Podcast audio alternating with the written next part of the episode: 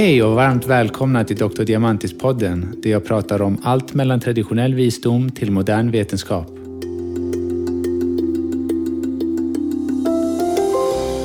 Detta är mitt första avsnitt där jag kommer börja med att presentera mig själv och min resa från professionell basketspelare till vad jag gör idag. Jag kommer även berätta vissa detaljer som inte ens mina närmaste vänner känner till om mig.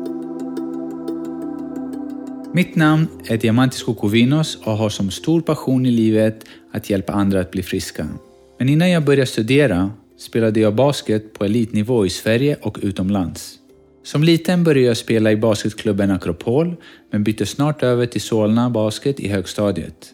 Jag spelade alltid med äldre och blev kallad till min första träning i Solna Vikings herrlag på min födelsedag då jag fyllde 15 år.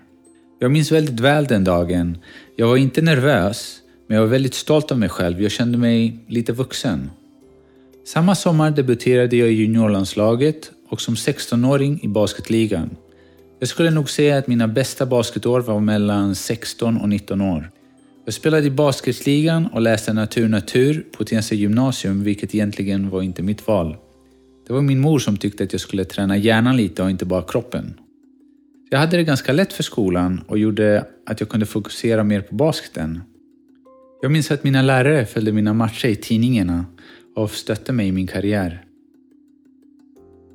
Året efter gymnasiet skrev jag på ett proffskontrakt med grekiska basketlaget Aris. Det var verkligen en upplevelse. Jag minns att fram tills väldigt nyligen kunde jag drömma om att jag var där och spelade. Jag hade medspelare som kom direkt från NBA. Det är den amerikanska basketligan för er som inte är insatta i basket. En av killarna tjänade en halv miljon kronor men det som gjorde mig mest förvånad var att han inte var lycklig. Han var deppig och bitter, ja i stort sett hela tiden. Jag tänkte för mig själv, är det det jag strävar efter att bli? Jag var 19 år och han var drömmen. Så det var en stor tankeställare. Men samtidigt var jag otroligt törstig efter kunskap. Jag tyckte om att lära mig saker och ting och trots att det var underbara år som basketspelare så var det en annan slags låga som brann inom mig. Jag levde inte min sanning helt enkelt. Men jag hade aldrig lyssnat på mitt hjärta och visste egentligen inte vad min passion var. Mer än att jag tyckte om att hjälpa andra. Så jag skulle nog säga att under den perioden var jag väldigt förvirrad. Ja, men så som många andra unga. Det är väl normalt under den tiden. Och jag tror att man ska vara förvirrad i den åldern. För att om man inte är det just då, när ska man vara det?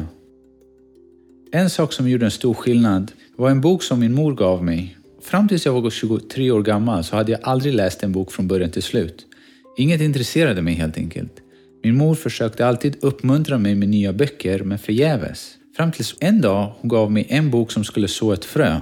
Den boken gav mig en insikt i hur underbar människokroppen är. Att kroppen kunde läka sig själv helt enkelt, det var någonting som inte jag riktigt kände till. Det var den fantastiska boken Den självläkande människan, skriven av Sanna Edin och jag är för evigt tacksam att den hamnade hos mig. Men vad jag upptäckte längre fram som ung vuxen var inte bara att jag var förvirrad, men jag insåg att den drömmen jag haft som liten var på väg att spricka var det en annan slags händelse som hände inombords.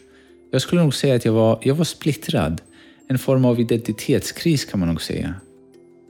För här hade jag vuxit upp där alla kände mig som Diamantis basketspelaren. Men vad skulle hända ifall jag skulle sluta spela basket?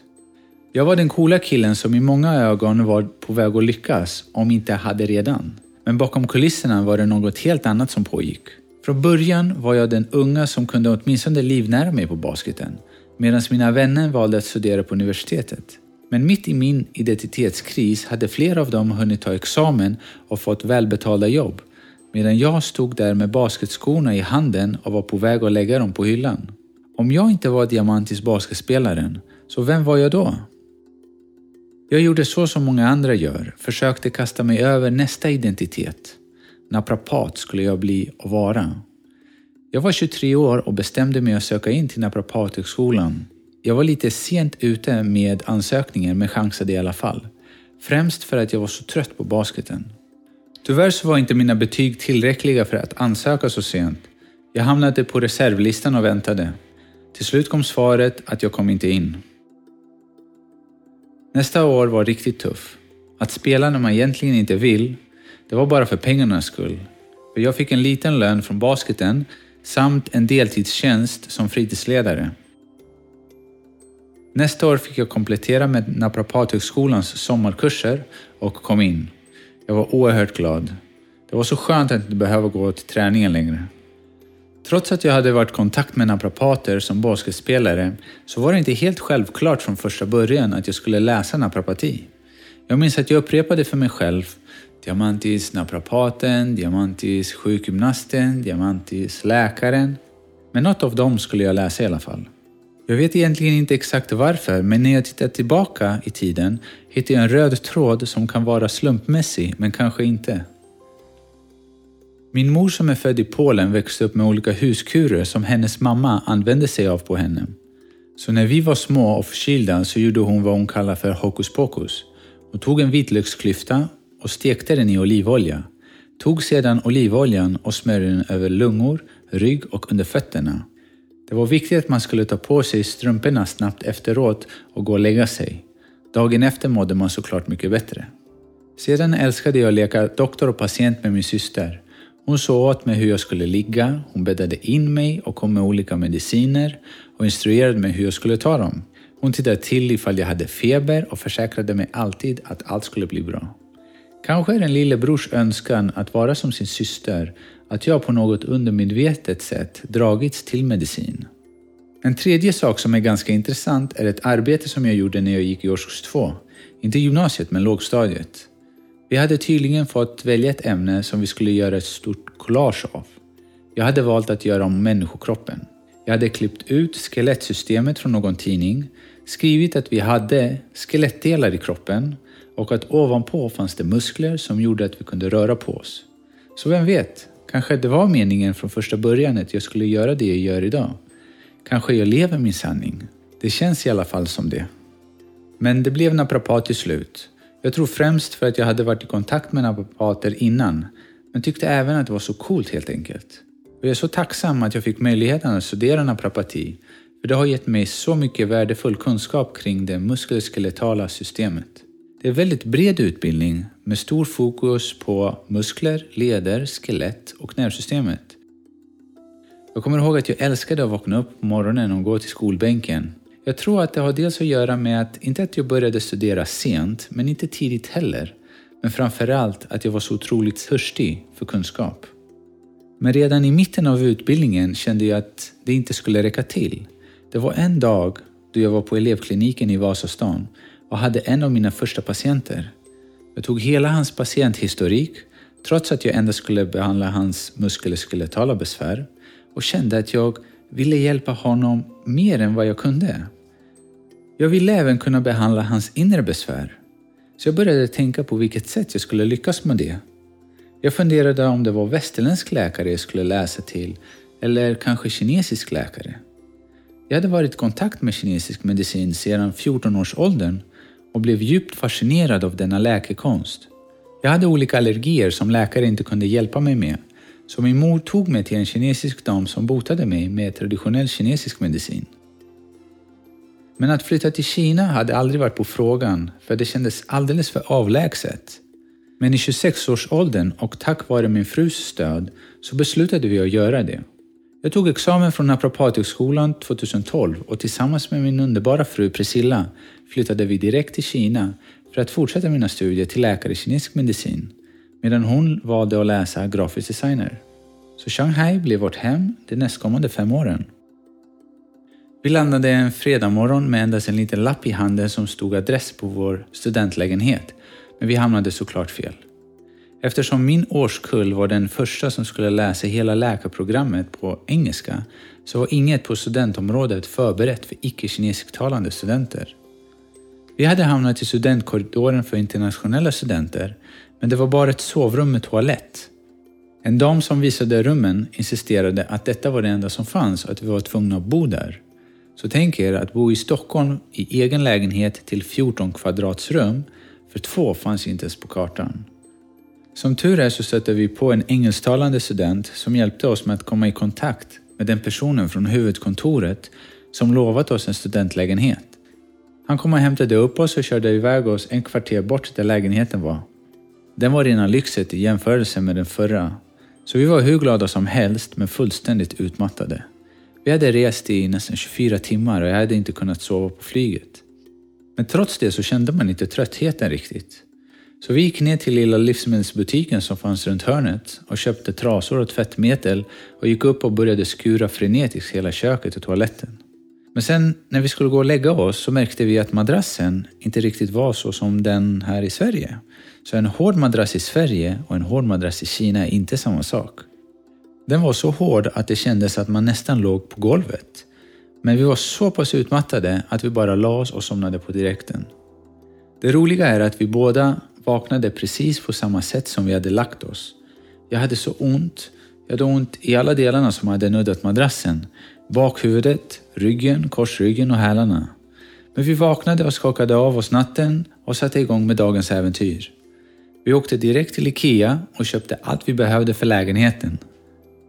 På måndag var det upprop och dagen efter började jag med min första lektion.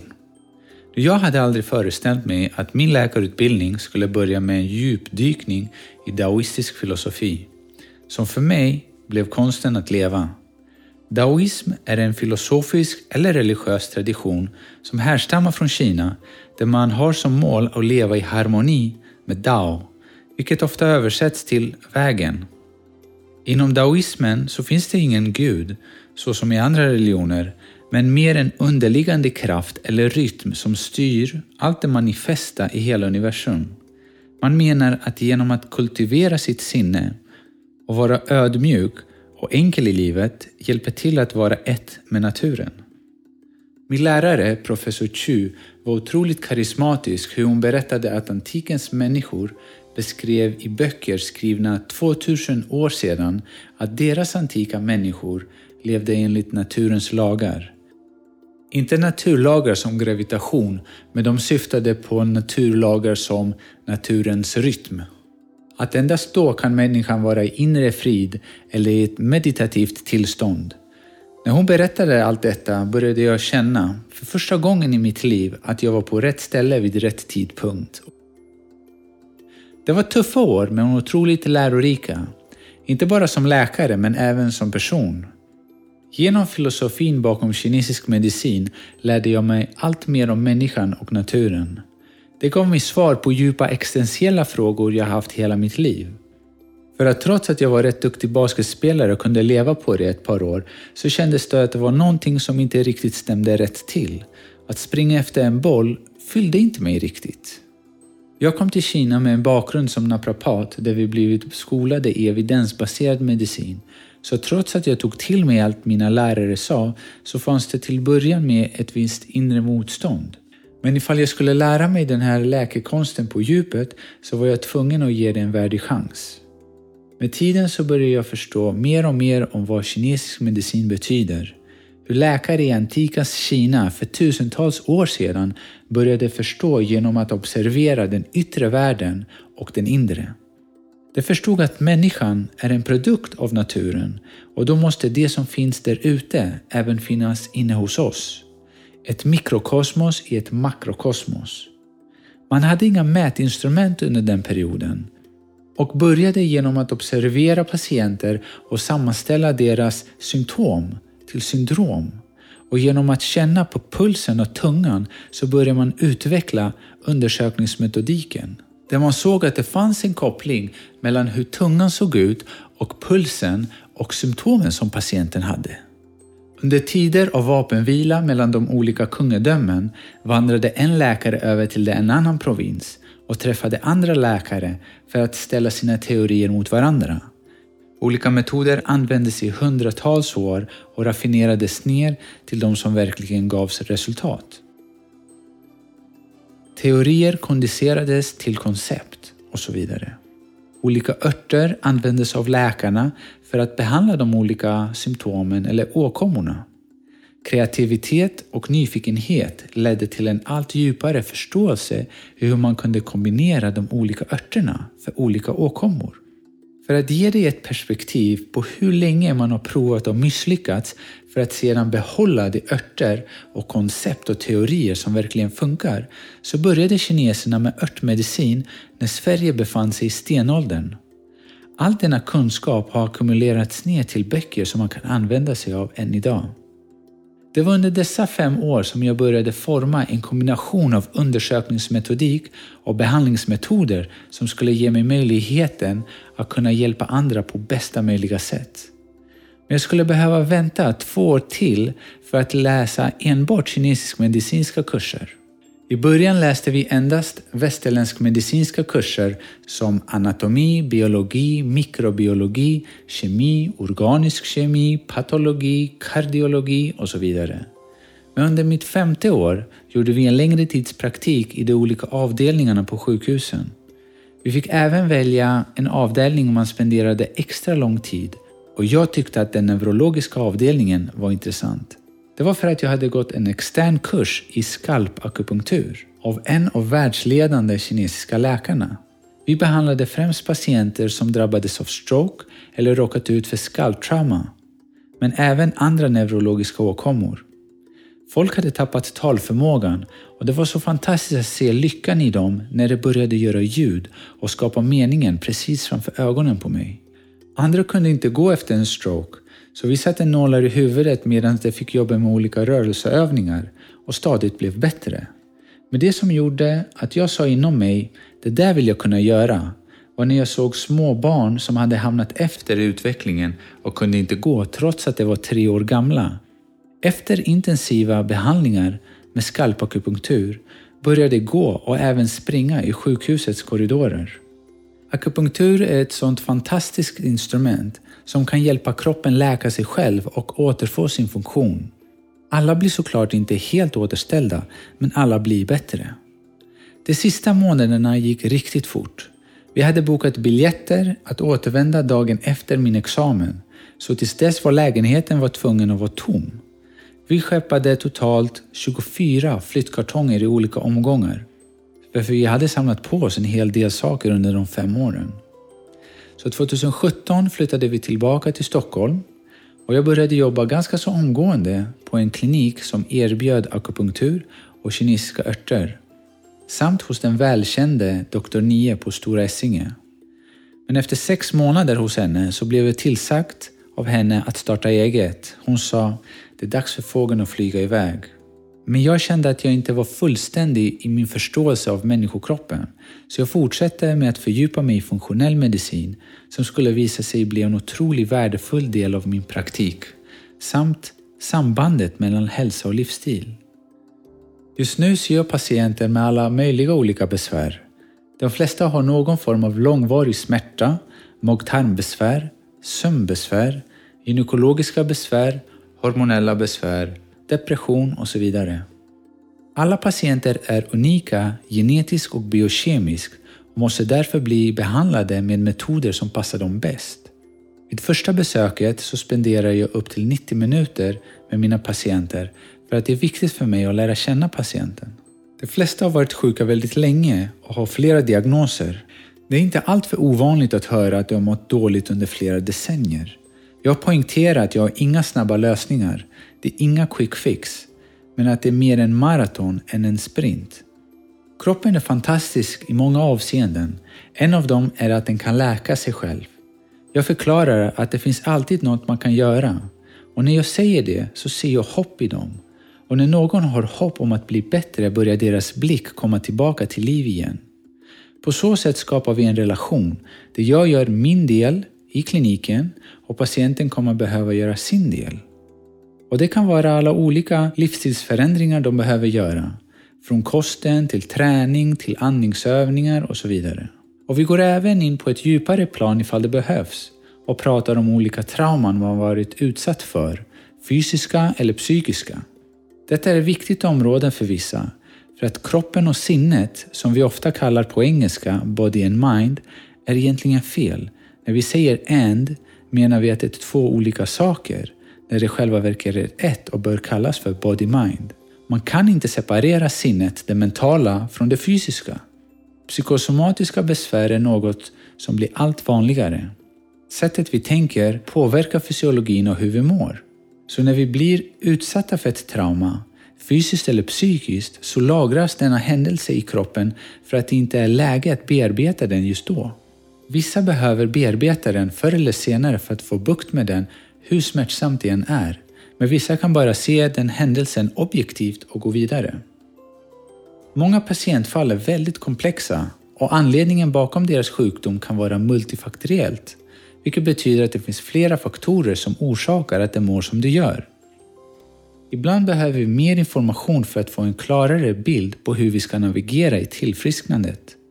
En del behöver göra så kallade funktionellmedicinska analyser för att få mer information kring deras näringsstatus. Det är för att jag inte tycker om att gissa. Jag vill veta vilken typ av vitaminer eller mineraler eller enzymer de har brist på. Om de har tungmetaller i kroppen eller om det är några viktiga fysiologiska processer, funktioner som inte fungerar optimalt. Alla tillfrisknar på sina unika sätt, men när vi sätter ihop en behandlingsplan så finns det egentligen en hierarki i vad som behöver göras först för att man ska kunna gå vidare. Detta görs alltid tillsammans med patienten och det är viktigt för mig att involvera patienten för att i slutändan så är det inte jag som kommer bota patienten.